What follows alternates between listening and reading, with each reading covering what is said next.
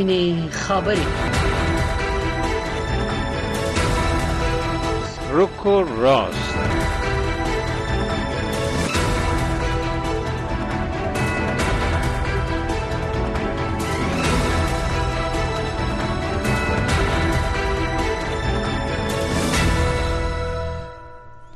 د امریکا غږ آشنا رادیو د سپینې خبرې د پروګرام قدرمنو اوریدونکو ته خراغلاست وایم. خدای دې وکړي چې جوړ او روغ اوسئ.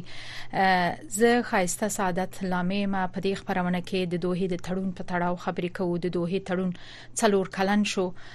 کومې ژمنې پکې عملي شوې دي او تر اوسه پورې کومې ژمنې پکې ماته او نیمګړې پاتې دي په دې تړاو به د خبرونه قدرمنو میلمنو سره خبرې وکړو. لکه څنګه چې تاسو ته معلومه ده امریکایي چارواکي او طالبان د دې تړون پړه پر یو بل اچوي چې د دوه تړون یې مات کړی دی.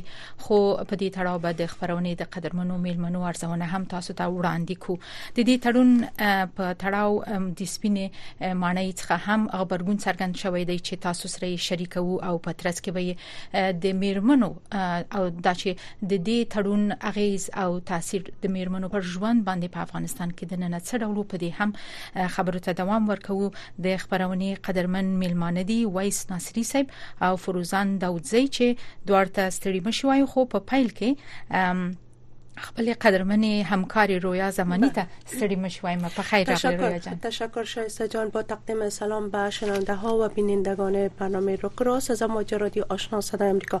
بله طوری که همکارم هم گفت قصر سفید گفته که امضای توافقنامه دوحه با طالبان در سال 2020 یک گروه را نیرومند و شرکای اونا را در حکومت پیشین افغانستان تضعیف کرده. ای در حالی است که مقامات امریکایی میگن که طالبان در این توافقنامه تعهد کرده بودند که برای تشکیل یک حکومت فراگیر با سایر اعضاب افغانستان گفتگو می‌کنند اما ژن پیر افزوده است که طالبان به تعهداتشان مطابق توافقنامه دوحه پابند نبودند.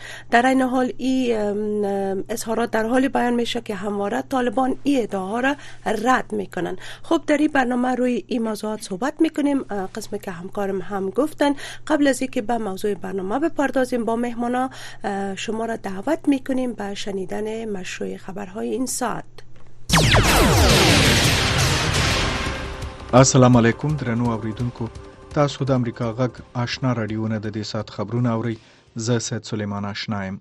سپینه مانای وایي د دوحې تړون طالبان پیاوړي او د امریکا شریکان کمزوري کړل د سپینې مانای ویاندې کارن جان پیر د چهارشنبه پورز چې د کب نه هم و ویل چې د طالبانو سره د دوحې تړون په افغان حکومت کې د هغې په وینا زموږ شریکان کمزوري او طالبان پیاوړي کړل. ویاندې جان پیر په یو خبري کانفرنس کې د دوحې تړون په اړه د امریکا غږ د افغانستان څنګه د خبريال پښتنې په جواب کې ویل چې دا تړون د مخکنی جمهور رئیس ډانلډ ټرمپ د حکومت په وخت کې په 2020 میلادي کال کې لاسلیک شوی و امریکایي مقامات وایي چې دوی مجبورو په تړون عملو کې د افغانستان څخه خپل ځواکونه وباسي او په غهیوات کې یعنی افغانستان کې د امریکا تر ټولو اوږده جګړه ختمه کړي. د امریکا او طالبانو ترمن د دوحې د تړون د څلورمې کلیزې د رسیدلو سره هم مهاله د طالبانو د حکومت ویان زبی الله مجاهد ادعا کړې ده چې دغه تړون د پلي کېدو په برخه کې د امریکا لخوا سرغړونې موجوده وي د دې خبر نور تفصيل د محمد سالم مندوخیل په غږ کې اوري ذبیح الله مجاهد په یو ژغیز پیغام کې چې د طالبانو تر کنټرول لاندې د ملي تلویزیون لخوا خبر شوی ویلي چې د دوه هوکړه د جهاد او قربانیو پایله و چې د امریکا متحده ایالاتونو یې د خبرو میسته حاضرېدو ته اړ کړل مجاهد ویلي د امریکایانو لخوا د دغه هوکړې څخه ځینې سرغړونې موجودې وي چې د دوه د تړون د متن په پا پای برخه کې د هغوی د عملي کېدو ژمنه کړې و چې باید د افغانستان سره تعامل په عادي ډول وسی خو داسې ونسول مجاهد همدارنګه ویلي چې لا هم د طالبانو د زینو مشرانو نمونه په تور لیست کې دي او بندیزونه ورماندې لګیدلې دي. د افغانستان د خلکو شتمنۍ لا هم کنګل ده. د طالبانو د حکومت د رسمیت پیژندلو مخه نیول شوی او د طالبانو د حکومت سره د امریکا د متحده ایالاتو تعامل لا تر اوسه برته عادي شوی نه دی. سپینې ماڼۍ ویلي چې د امریکا متحده ایالات طالبان د خپل کړنو په وړاندې مسول ګڼي. د امریکا د حکومت او د طالبانو د ډلې ترمنځ د دوهې تړون د 2020 میلادي کال د فبرورۍ د میاشتې په 9 باندې د قطر په پایتخت دوحه کې لاسلیک شوی د افغانستان د پاره د ملګرو ملتونو د بشري حقوقو د شورا ځانګړي راپور ورکونکي ریچارډ بنټ ویلي چې ټاکل شوی د پنځشنبه په ورځ یعنی نن د کب لسمه به د دغه شورا 1550مه غونډه ته د افغانستان د بشري وضعیت په اړه خپل راپور وړاندې کړي ریچارډ بنټ د ایکس په ټولنیزه شبکه کې لیکلي دي چې دا راپور به د ملګرو ملتونو د بشري حقوقو د شورا د غړو او د مدني ټولنې د استازو په حضور کې په ژوندۍ بڼه د دغه شورا لخوا خبر شي. د راپورونو د مخې بنټ ویلي چې په افغانستان کې بشري وضعیت مخ په خرابېدو دی او طالبان د بشري حقوقو څخه د ملاتړ په برخه کې ناکام شوي دي د افغانستان د خبريالانو مرکز د طالبانو د حکومت لخوا پر رسنیو کې پر افغان خبريالانو په ځانګړي ډول خزینه خبريالانو باندې د نورو احتمالي محدودیتونو د لګولو په اړه اندېښنه خوده او دغه اقداماتو د پایلو په اړه خبرداري ورکړه ده دغه مرکز د چهارشنبه په ورځ نا وخته چې د کب نه هم وا په یو اعلامیه کې د اندېښنې په کابل کې د طالبانو د حکومت د امر بالمعروف او نهي عن المنکر وزارت سرپرست محمد خالد انفي سره د رسنیو د زنو مسولینو او استادو په کتنه کې پر رسنیو کې د خزینه خبريالانو را څرګندېدو په اړه دغه وزارت لخوا د سپارښتنو وروسته څرګندې کړې دي د افغانستان د خبريالانو د مرکز د اعلامیې لمخې د طالبانو د حکومت د لوړپوړي چارواکي د رسنیو استازو ته ویلي چې کله دغه وزارت لارښوونې مراد نکړي نو د دې احتمال شته چې په رسنیو کې د خزو پر کار بشپړ بندیز ولګول شي. تاسو د امریکا غږ آشنا رادیوونه د افغانستان سیمه او نړۍ خبرونه اورئ. په پا پاکستان کې د دې میاشتې د عمومي ټاکنو درې اونۍ وروسته په پا پاکستان کې د نوي پارلمان غړو د پنځشنبه په ورځ چې د کاپ لسمه ده لوړه وکړه. د فبرवरी د اتمې ټاکنې چې پکې د پراخو درغلیو تورونه لګول شوی په داسې حال کې تر سره شوی چې په خوانه صدر اعظم عمران خان زنداني شوی او د کاندیداتورۍ منع شوی په ټاکنو کې د عمران خان پلوي کاندیدانو د بل هر ګوند په پرتله ډېری څوکۍ وګټلې خو د پوز ملاتړ لرونکي مسلم لیگ نواز ګوند د یو ائتلافي حکومت د جوړولو لارې په حکومت کې د تحریک انصاف د نشری کولو تابع کړی ده. څېړونکو وی د پاکستان په 240 میلیون نفوس لرونکي هیواد کې به راتلونکي ائتلافي حکومت د پراخو اقتصادي او امنیتي بحرانونو سره مخامخي د اسوسییټډ پریس اژانس د خبر د مخې نن د فبرورۍ په 9مه په غزه ښار کې بشري مرستو ته د منتظرو فلسطینیانو پر غنګونه برید شوی دی چې ګمان کیږي اسرایلی ځواکونو کړی. د سیمایي روغتون د چارواکو په وینا په دې برید کې لزګونه کسان وژل شوی او ټاپیان دي. د شفا په نوم روغتون د نرسانو څنګه مشر ډاکټر جاد الله شافعي الجزیره ټلویزیون ته ویلي چې په برید کې شاوخوا 50 تنه وژل شوی او 250 نور زخمیان دي. اسرایلی پوځ ویلي چې د پیښې په اړه خبره شوی راپورونه څېړي بلخوا یو امریکایي چارواکي ویلي چې په داسې حال کې چې غزې ته د ځمکې لارې د مرستو رسول ستونزمن شوی نو د جمهور جو بایدن حکومت د پوځي الوتکو په وسیله د یادو مرستو پر رسولو غور کوي. او د روسي جمهور رئیس ولادمیر پوتین د پنځشنبه په ورځ خبرداري ورکړ چې کلویدیز په اوکرين کې شخړې تلمن ووهي د اټومي جګړې واقعي خطر به رامنځته کړي. ملت ته په خپلې کلنۍ وینا کې پوتین وویل چې سرتیری په اوکرين کې پرمختګ کوي هغه دا خبرداري هم ورکو چې که هر هیواد اوکرين ته د سرتیرو لیږلو جرأت وکړي د ناوړه پایلو سره به مخامخ شي. د پوتین دا وینا په ښکارا د فرانسې د جمهور رئیس ایمانوئل ماکرون هغو څرګندونو ته خبرګون دي چې دا ونه یې اوکرين ته د لویدیز د عسکرو د لیږلو احتمال رات نکو خو د اروپا نورو مشرانو په چټکۍ سره کیف ته د سرتیرو د لیږلو احتمال رد کړی دی. او د دې سات خبرونه د سپینې خبره خبرونه د سپینې خبرې د خبرونه قدرمنو اوریدونکو ته بیا هم خراغلاست وایو. تاسو د امریکا غاښنا رادیو لاره د دې سات مهم خبرونه واوریدل. مونږ به د ژمنې سره سم د خبرونه د موضوع په نظر کې نیول سره د دوه د تړون د بیلابلو ژمنو څرنګواله د خپل قدرمنو میلمنو سره ورزو او د هغوی نظر به پیرا واخلو یو ځل بیا یادونه کوم د خبرونه قدرمن میلمانه دي وایس ناصری صاحب چې د سیاسي چارو شنونکې دی او همدارنګه اغلی فروزان داودزی هم موږ سره په دې خبرونه کې ده چې د سیاسي چارو شنونکې او ارزمونکې ده دوی ته خراغلاست وایو. رویا جان تاسو مهرباني. آقای وایس آواز ما را میشنوین؟ سلام بر شما عرض سلام ادب دارم. جهان سپاس بانو زمانی خدمت شما همکار شما و همکاران تخنیکی و میمان برنامه. بله من صدای شما دارم. خانم دوزه شما را هم به برنامه خوش آمدید میگیم. زنده باشین. بسم الله الرحمن الرحیم. خدمت شما و مهمان گرامی سلام. و خدا کنه موفق و کامیاب باشین ډیره مننه د دواړو نه کور ودان بیا هم تاسو ته ستړي مشي وایم یو ځل مخکې لدی چې مونږ په خپل خبرو پایل وکړو دوه مهمو خبرګونونو تاسو تاسو پام راګرځوم. یو د طالبانو لخوا خبرګون دی او بل هم د سپینې مانۍ لخوا خبرګون د امریکا د متحده ایالاتو او د طالبانو ترمنځ د دوحې د تړون د څلورمې کلیزې د رسیدو سره هم مهاله طالبانو په دې تړاو خپل خبرګون خوده لیدي د حکومت ویان زبی الله مجاهد ادعا کړې ده چې د دغه تړون د پلي کېدو په برخه کې د امریکا د متحده ایالاتو لخوا سرغړونې موجود دي او نیوکه کړې دي. زبی الله مجاهد په یو غږیز پیغام کې چې د طالبانو تر کنټرول لاندې د ملي تلویزیون لخوا خبر شوی دی ویلي چې د دوه هوکړه د جهاد او قرباني او پایله و د دې ترڅنګ همدارنګه د سپینې مانۍ ویان دي پرون د سپینې مانۍ ویان دي کارن جان پیر د یو خبري کانفرنس په ترڅ کې د امریکا غږ د خبريال د پښتنې په جواب کې ویل چې د دوحې تړون په افغان حکومت کې زموږ شریکان کمزوري کړل خو طالبان یې پیاوړي کړل. یعنی په یو اصطلاح دوی ته وخت د رسیدو لپاره زمينه برابر کړه. رویا جان غواړي تاسو لمړی پښتنه وکړئ؟ بفرمایئ شایسته جان یله کوم مننه.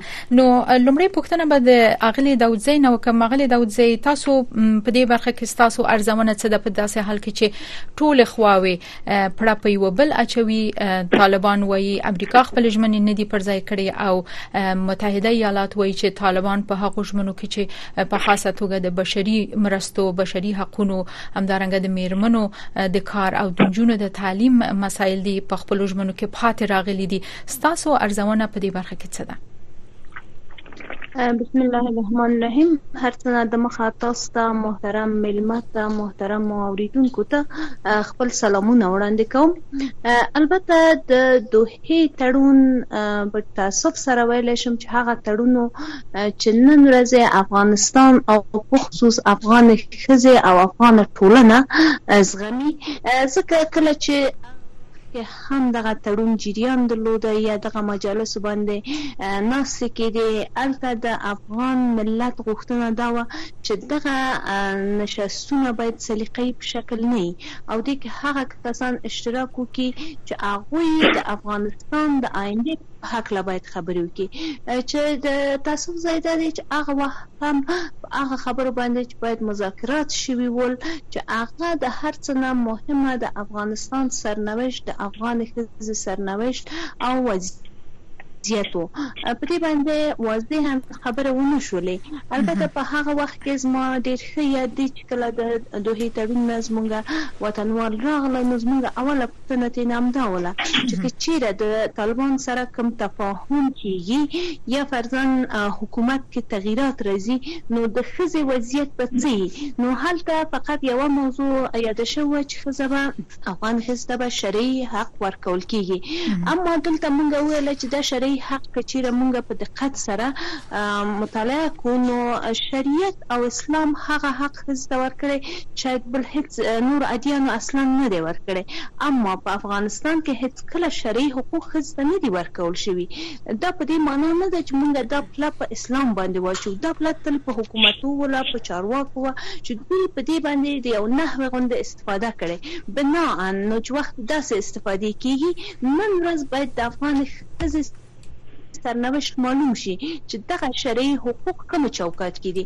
اما متاسفانه چې په دې باندې هیڅ کله خبره اترې ونه شولې او کله چې د موضوع کې افغانان په مجموع کې افغان ملت ځکه زمونږ همیشه موضوع زیاته په ملت په دې ده چې نن ورځ اصلي متضرر ملت دی نه چارواکي.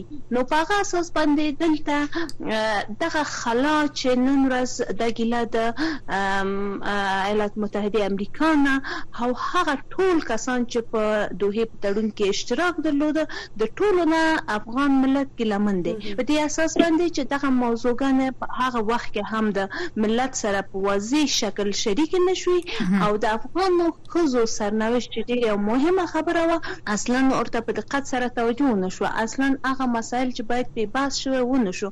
که تاسو هم څنګه چې په جریان کې استي الته ډیره موضوع د نظامی ځواک حقونو د وتل موضوع ولا د بنديانو موضوع اما چې هغه تر زیات اندازې پورې عملی شوی دی هغه موضوعات.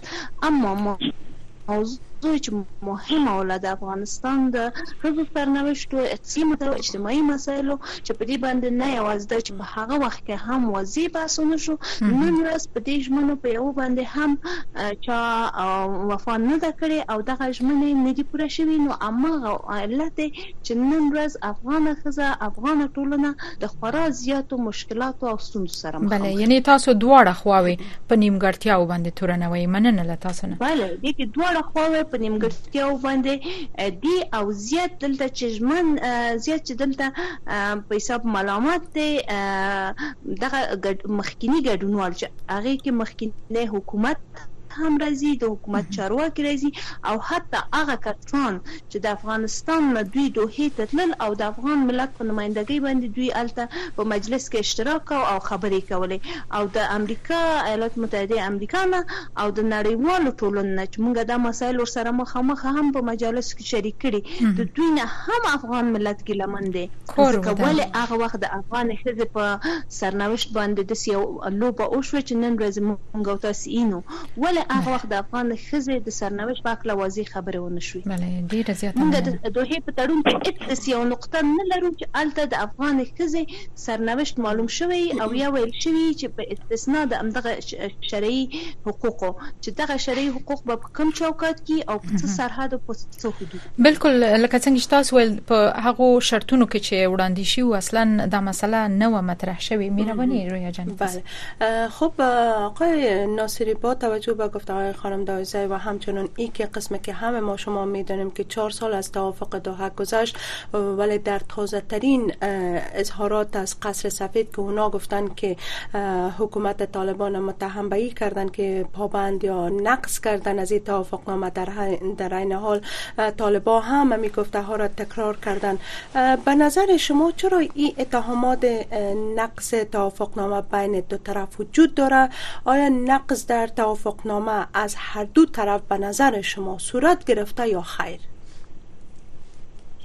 با عرض سلام مجدد و ادار سپاس امتنان از لطف و محبت و دعوتتان. در ارتباط با توافقنامه دوحه که در بعد از 18 ماه مذاکرات مخفی پنهانی و استخباراتی آقای دکتر زلمه خلیلزاد با نماینده های طالبان و وساطت پاکستان و قطر در دوحه شکل گرفت. و دون ملت افغانستان نه دولت افغانستان نه مطبوعات افغانستان و هیچ کس اطلاع نداشت و ما شاهد بودیم که وقتی که مساوده از این توافقنامه تکمیل شده بود آقای خلیزاد یک شب به کابل آمد و در مقابل مطبوعات افغانستان واضح گفت که در مصاحبه خود که ما و دکتر عبدالله و دکتر اشرف غنی همی کاپی از این مسوده را دادم که مطالعه کنن. خبرنگار سوال کرد که آیا او رو برشان دادیم که با مسئولین دیگه گپ بزنن گفت نه خیلی فقط برشان نشان دادم. خب. اونا دیدن و بحث کردیم ولی ما اجازه ندارم که کاپی از این مسوده را برای کسی دیگه بتم تا که خود آقای ترامپ رو امضا نکنه. یعنی ملت افغانستان دولت افغانستان رئیس جمهور افغانستان حق نداشت که کاپی از این مسوده را داشته باشه. به هر صورتی این در افغانستان توافقات و قراردادهای عجیب و غریب با استعمار امضا شده.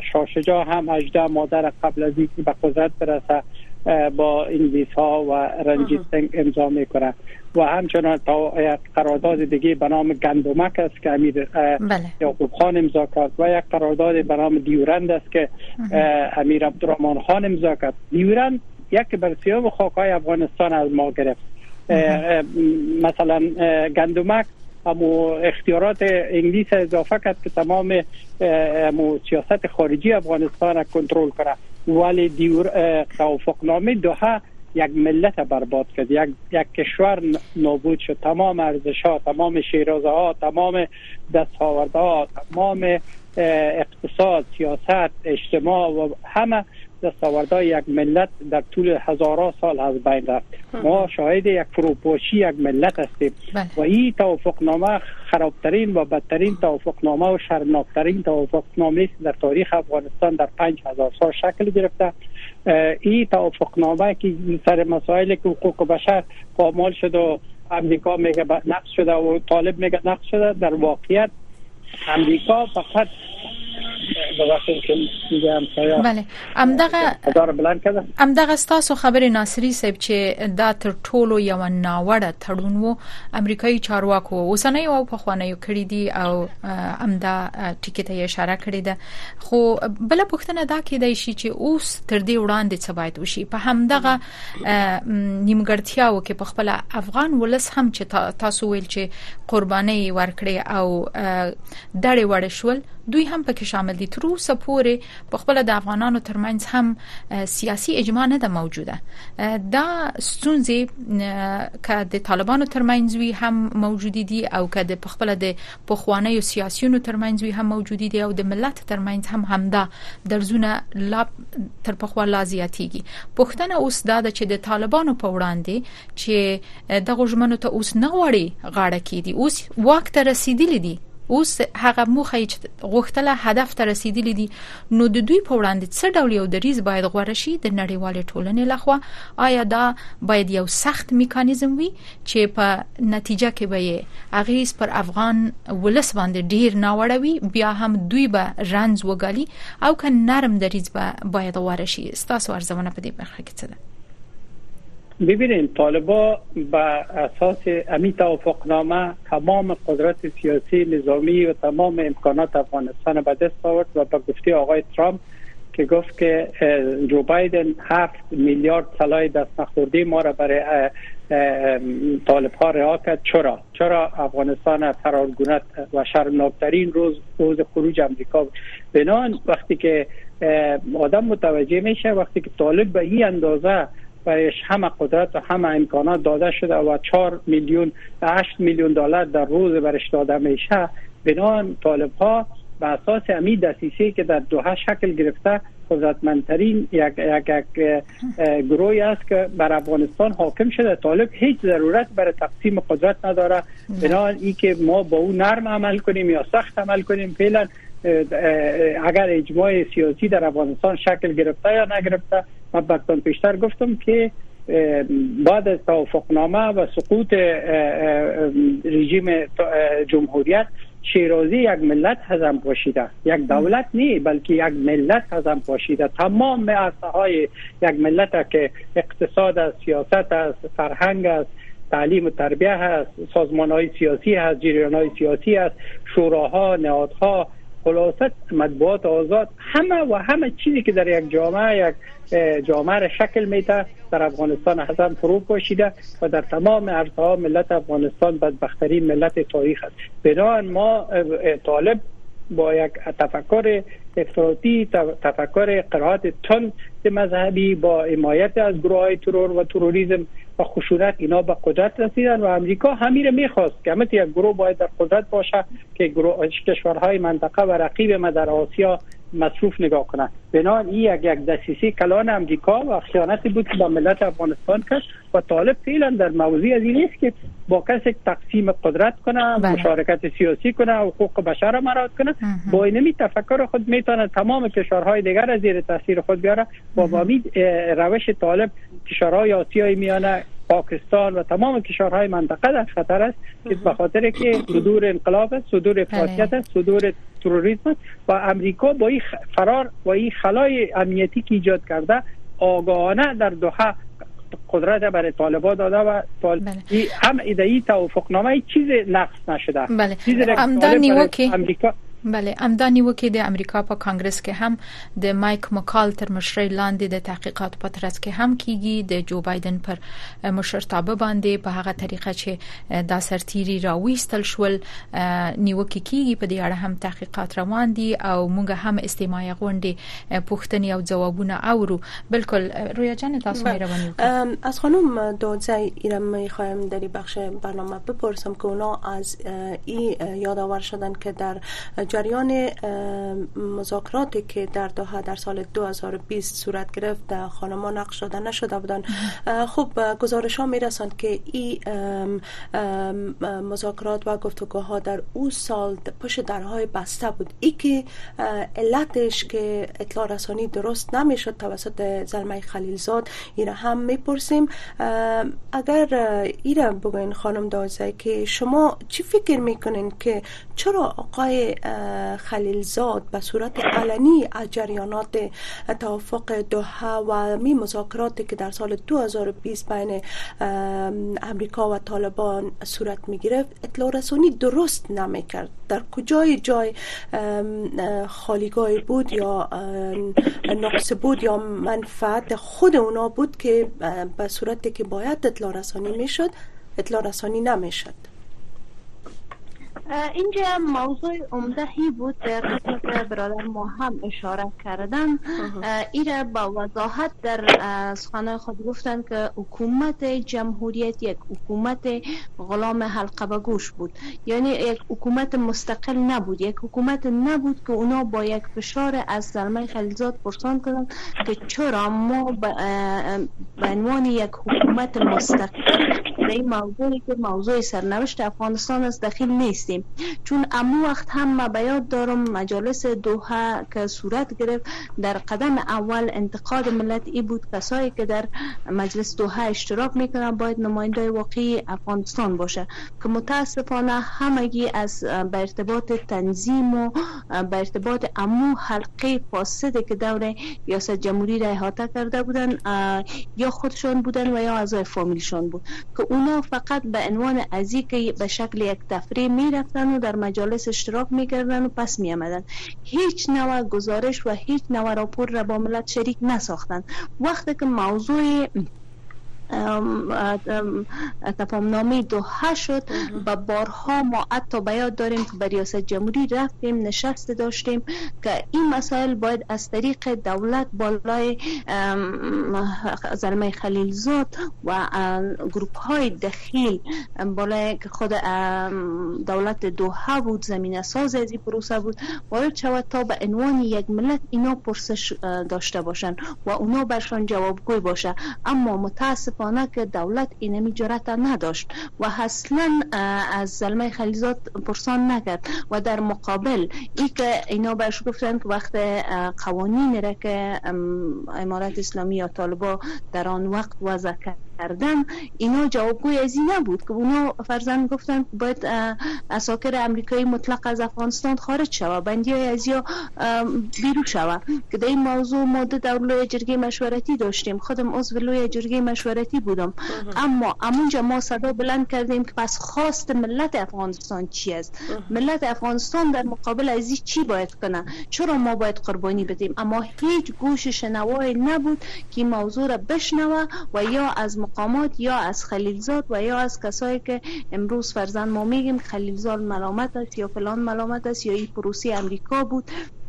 او وقت یک فرد در مقامات ما پیدا نشد که نمی موضوع را شریک بسازد. بله. بنان به هر شیوه که طالبا خواستن با اونمو شیوه حرکت کردن و با اونمو اساس زلمه خلیلزاد یک طرف قضیه شد و طرف دیگه قضیه که یک مقام یا یک بله.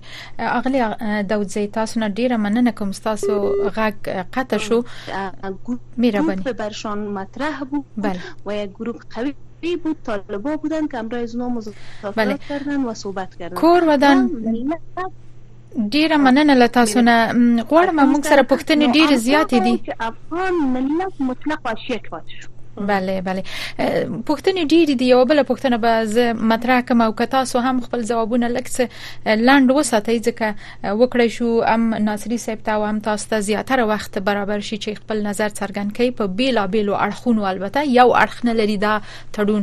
د دې ترڅنګ چې په خوانی تړون لومړی تړون چې همدا نن ورځ د فبرवरी په 9مه څلور کال د مخد لاسلیک شو د دین ورسته هم په دوه کې د هماغه لومړی تړون دی ژمنو د پوره کېدو د پټینګار باندې البته غونډه تر سره شوې. دا ورسته په 13 او 19 تاریخ باندې و چې په دې کې هم طالبانو برخه ونه خسته آیا د ملګرو ملتونو د ځانګړي استاذي ټاکل چې هم په دې غونډه کې مهم یو اصل ګڼل کېده چې دا کوم ځای ته ونه رسید او دوی ویل چې هم د غونډه ته به دوام ورکړي آیا تاسو فکر کوئ چې د دې ځانګړي استاذي ټاکل کېدل په دې معنا ده چې یا داسې تعبیریږي چې امریکا به د دې تړون نور لاس اخلي او دا مسله د افغانستان د ستونزو او د افغانستان د بشري حقوقو د میرمنو او د جنونو د ټوله مسله به ملګرو ملتونو ته ورسپاري؟ بله البته کیدش زورته جواب ویم. مهرباني وکړئ 嗯。دا موضوع په دې معنا نه ده چې دوی به ټول مسولیت ملګر ملتونو ته ورسپاري او ملګر ملتونه به په دې باندې قادر دي چې د دې مشکلاتو فعلی مشکلاتو لپاره به د حل لار پیدا کړي. مخکې یو موضوع چې یاد شو چې طالبان نه غواړي د چا سره مذاکرات وکړي. نن ورځ متاسفانه په افغانستان کې موږ داسې بدیل نه لرو چې هغه ملت هغه تر شا ودرېږي او هغه یو بدیل په عنوان باندې رامخته شي او د طالب سره مذاکره وکړي او طالب دغه مذاکرات ومني. که زمونږ تیر سپیسون دي هغه نن ورځ هم ار یو په انفرادي شکل باندې د خپل نفع په اساس باندې یو خبره کوي. یک فرزند خارج د افغانستان نه دوی ټولنه یا غونډه جوړي الته اولینه موضوع چې دوی په نظر کې نیسي خپل شخصي منافع. خپل هغه منافع چې دوی بیا څنګه کولای شي قدرت ته ورسیږي. اما د ملت درد دا شی نه دی. د ملت درد نن ورځ غټرین مشکل هم دی چې افغانستان د یوې تیاری خو روان دی. افغانستان د یو جهالت او یو بدبختی خو روان دی. بل خوانه د افغانستان جغرافیایي وضعیت سبب د دې کیږي چې د افغانستان مشکل مشکل یوازې د افغانستان مربوط نه کیږي بلکې افغانستان مشکل هغه موضوع ده چې نن ورځ امسایګه امسایه ملکو ته او حتی منطقې ته کې د شي متضرر مضر واقع شي.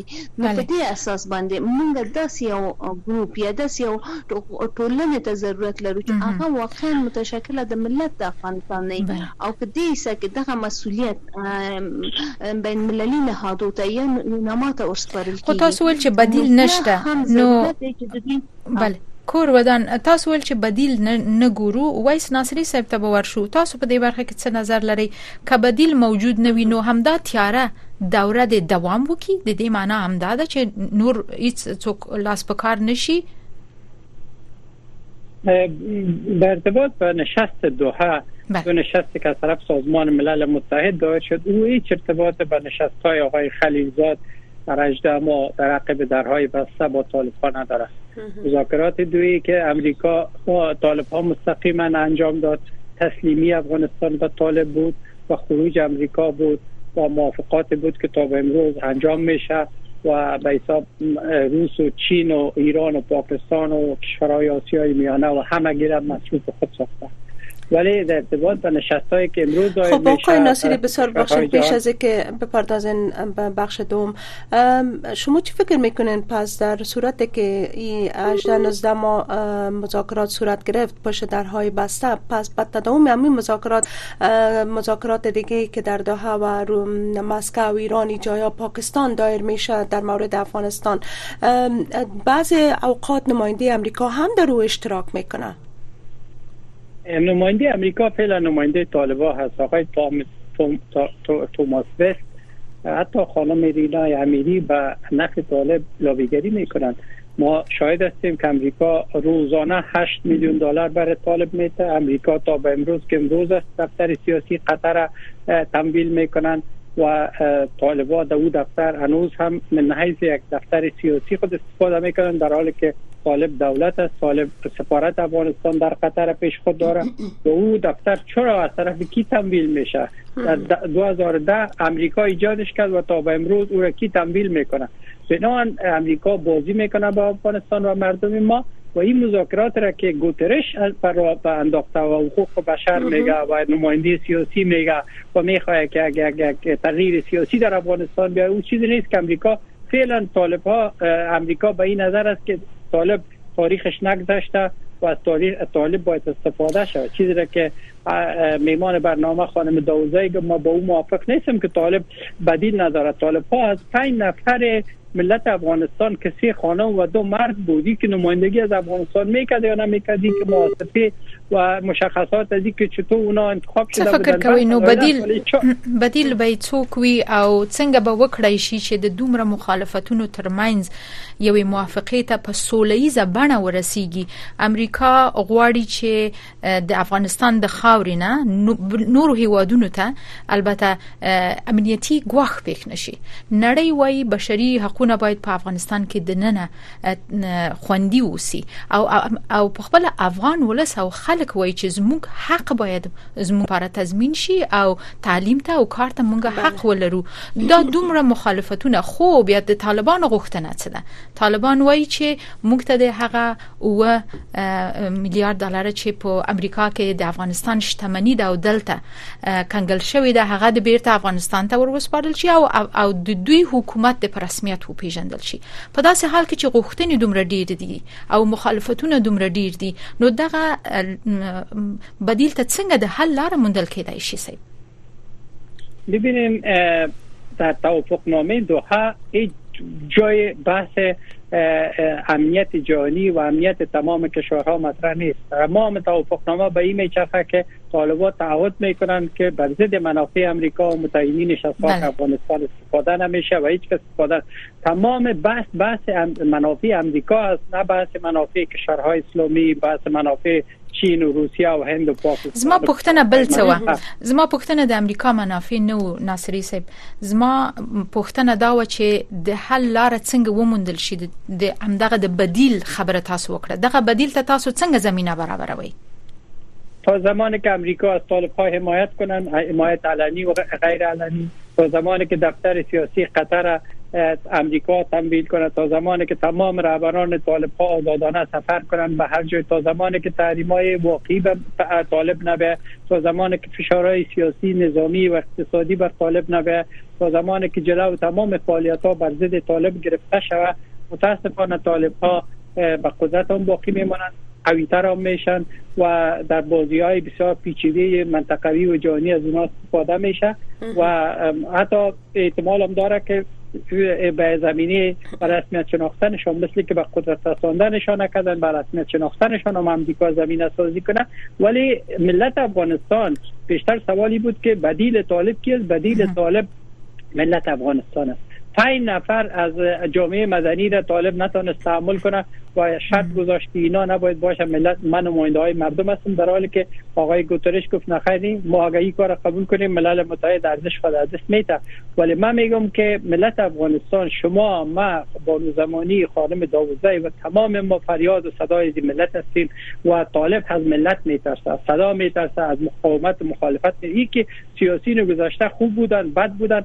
طالب هم یک تولید نو یک پارسال جدید نیست. اونمو طالب های دیروز است اونمو رهبران تکراری است اونمو خب بیا هم ناصری ز بیا هم تاسو خبر ترازم تاسو ول چې د افغانستان خپل ولس او ملت بدیل دی.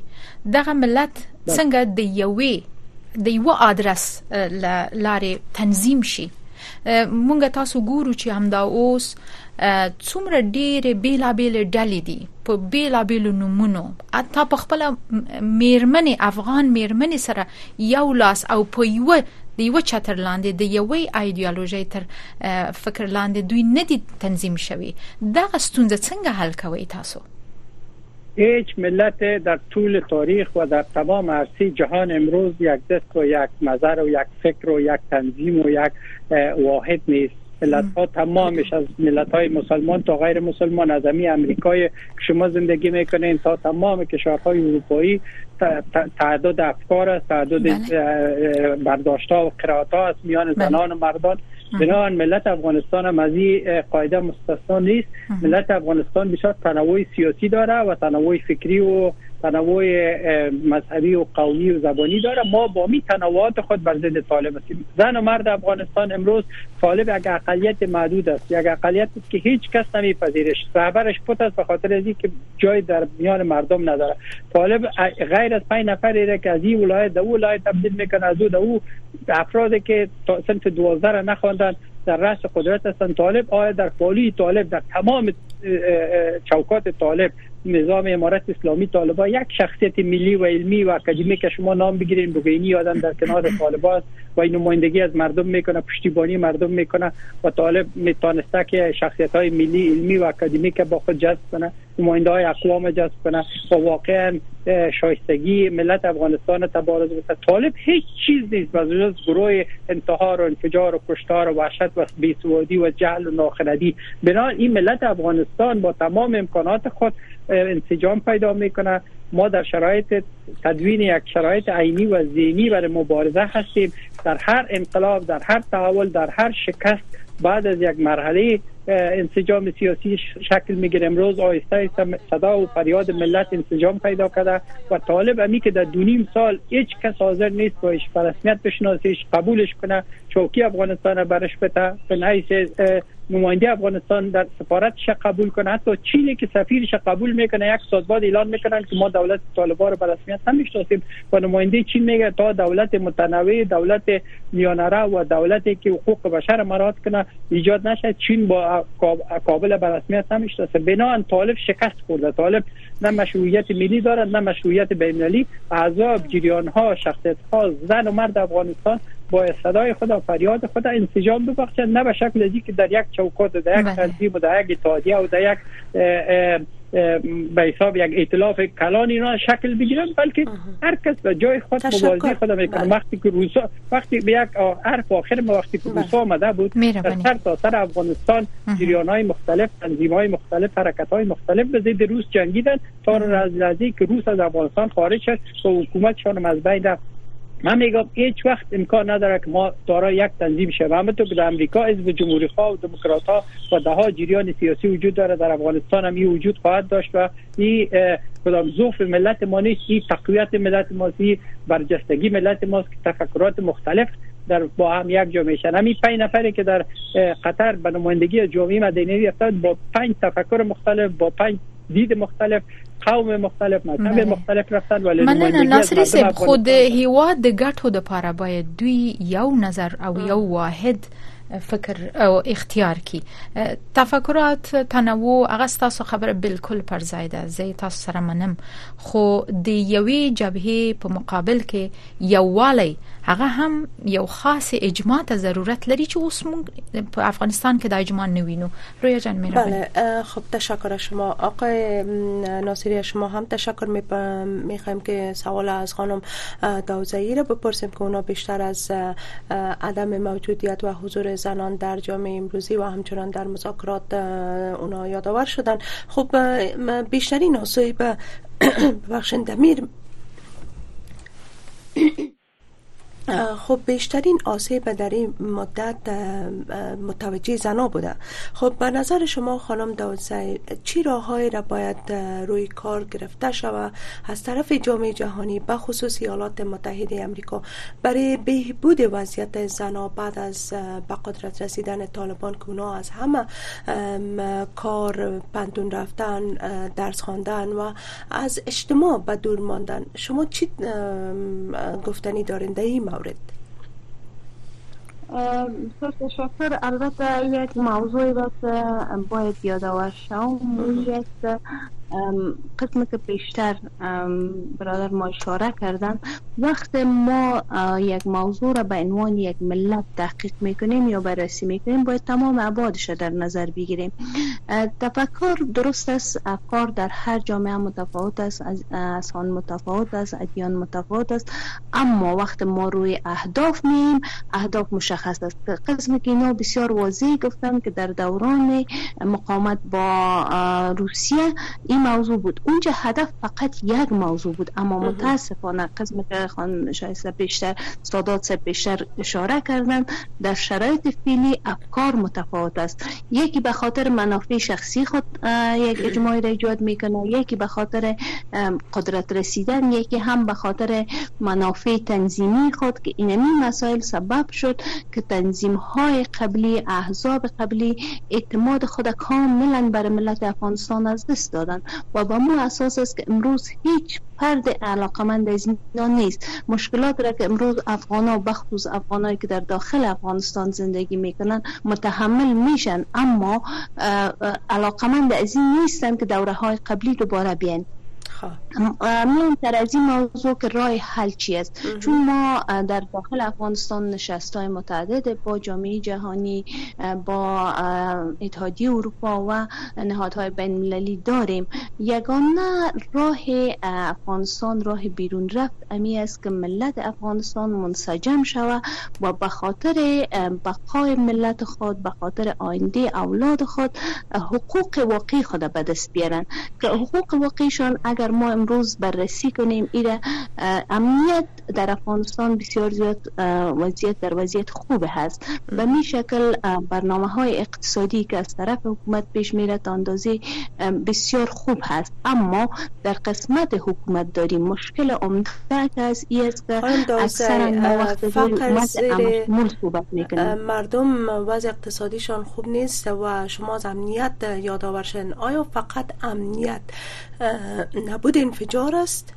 و امدغه امنیت عمده اینمی است. من تر موضوع می آمدم اغلی داود زید دغه امنیت هم چې ویجاړ شوی وو تر دې مخکې هم د طالبانو له کابل وو چې امنیت اصل موضوع عمده ده چې دلته امنیت مونږ یوازې د انفجار او انتحار نه بوت ته نشو ویلې که برته زه امری موضوع تراتلم د خزو وضعیت تر شو بیا مونږ نشو ویلې چې امنیت لرو. ځکه نن ورځ مونږ خزه معصومه نه ده. مونږ خزه خپل حق نشي ترلاسه کولای. زمونږ د سبا ماشوم خپل حق نشي ترلاسه کولای. ځکه نن ورځ زمونږ جلې بې سواده پاتې کیږي هغه د سبا بې سواده مور ده. هغه د سبا بې سواده میرمن ده چې هغه یو ټولنه د تاریخ خو بیاي چې مونږ په یو نارینه باندې تحصیل کو مونږ په یو فرد تحصیل کو چې مونږ په خځه باندې تحصیل کو بنان مونږ په یو ټولنه یا په یو فامیل باندې تحصیل کو زمونږ غوښتنه ده بین المللي نهادونه د ایالات متحده امریکا نه ده چې نن ورځ هم دوی په افغانستان کې د افغانستان حکومت باندې تاثیرګذار دي بنان د ملت غږ دوی باید واوري او دوی د ملت سره همغږي شي ټول یو منز...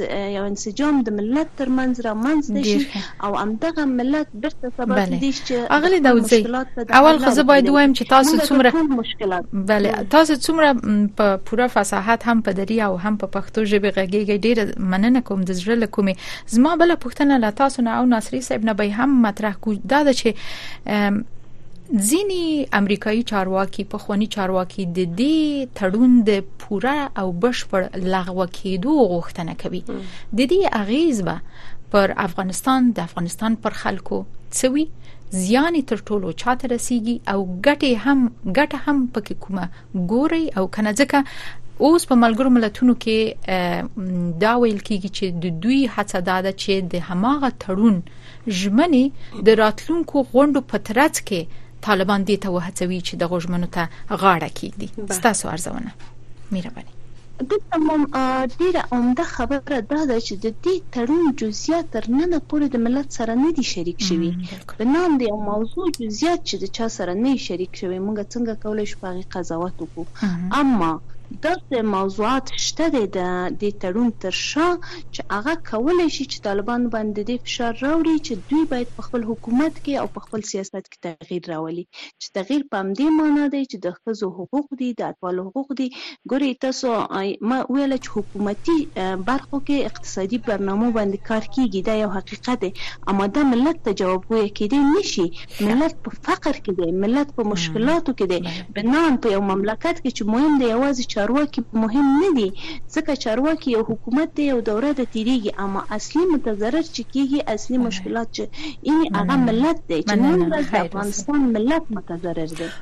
آقای ناصری د منځورونو کې بیا هم زه فکر کوم چې اصلي متضرر به ملت بله. در دقایق اخیر برنامه سیم آقای ناصری شما توافق نامه دوحه را اگر اگر اجازه بله. اگر اجازه بدید من یک تفسیر کوتاه میربانی ناصری سیف این حرفای خانم سادات و شما بانو زمانی که من هم تقدیر می‌کنم لحظه که با نوداوزه گپ می‌زد اشکای جاری است و ما به این شیر زنای افغانستان که از داخل افغانستان به این فساحت و بلاغت و دانش و علمیتشان و با این احساس پاکشان جرأت می‌کنن با کلمات بسیار شمرده و فشرده درد مردم افغانستان میگن.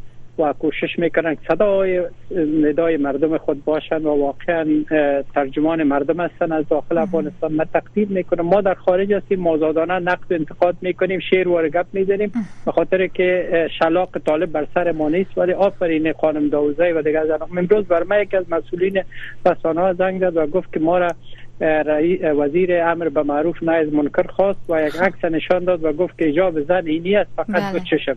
اگر در رسانه‌تون بعد از این امیر عملی نمی‌کنین ما تمام زنایی را که در رسانه کار می‌کنیم خانه نشین می‌کنیم امر می‌کنیم که دیگه اجازه نداره بله. ملتی که به این اندازه زیر فشار است خانم داوزی با بسیار کلمات دیپلماتیک صدای و فریاد ملت خود است. و من بله. تقدیر می‌کنم. در توافقنامه توافقنامه توافقنامه بر بگرده یا نگرده من میگم آن قدم بشکست و آن ساقی نمان. حال بله. خیلی بعد از این است. طالب قدرت داره سلاح داره توپ داره تانک داره چین داره روسیه را داره. تمام بله. کشورهایی که امروز هست ایران داره به گفته ایرانیا پدافند ایرانی را داره. دیگه از اون مرحله گذشته که امریکا باز یا یا بگه که طالب نباشه و توافقنامه خلاص شد گذشت. و طالب متاسفانه با صدا و فریاد و با ندای ملت و با. عذر و زاری ملت افغانستان هیچ قدرت تشکر سیله تاسو هم مننه چې تاسو یادونه وکړه د افغان میرمنو په ملاتړ تاسو هم خبرې کوي کور ودان ناصری صاحب ډیره مننه. بله. وقت نشر خبر است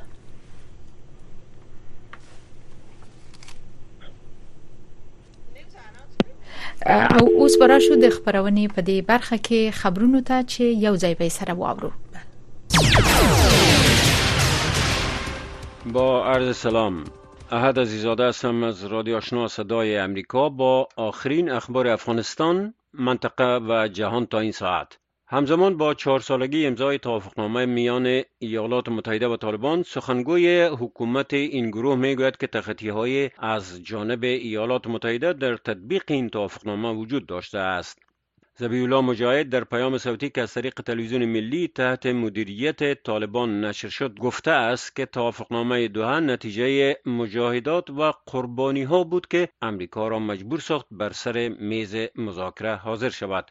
به گفته وی اخراج اشغال کنندگان ختم جنگ و خونریزی در افغانستان صلح ثبات و امنیت سرتاسری استقلالیت افغانها در تصمیم گیری ها اقدامات جهت رشد اقتصادی و گسترش بازسازی پیامدهای توافقنامه دو هست. اما سخنگوی حکومت طالبان ادعا کرده است بعضی تخطی ها از این پیمان از طرف امریکایی ها وجود داشته است. آنها وعده کرده بودند که باید تعاملشان با افغانستان به طور عادی باشد. باید رابط احسن داشته باشند در آبادی افغانستان سهم بگیرند و جلو پیشرفت افغانستان را نگیرند چنین نشد توافقنامه دوها در 29 فوریه سال 2020 میان امریکا و طالبان در قطر امضا شد. زلمه خلیلزاد به نمایندگی از حکومت ایالات متحده و ملا عبدالغنی برادر معاون کنونی رئیس الوزرای حکومت طالبان در پای این سند امضا کرده اند.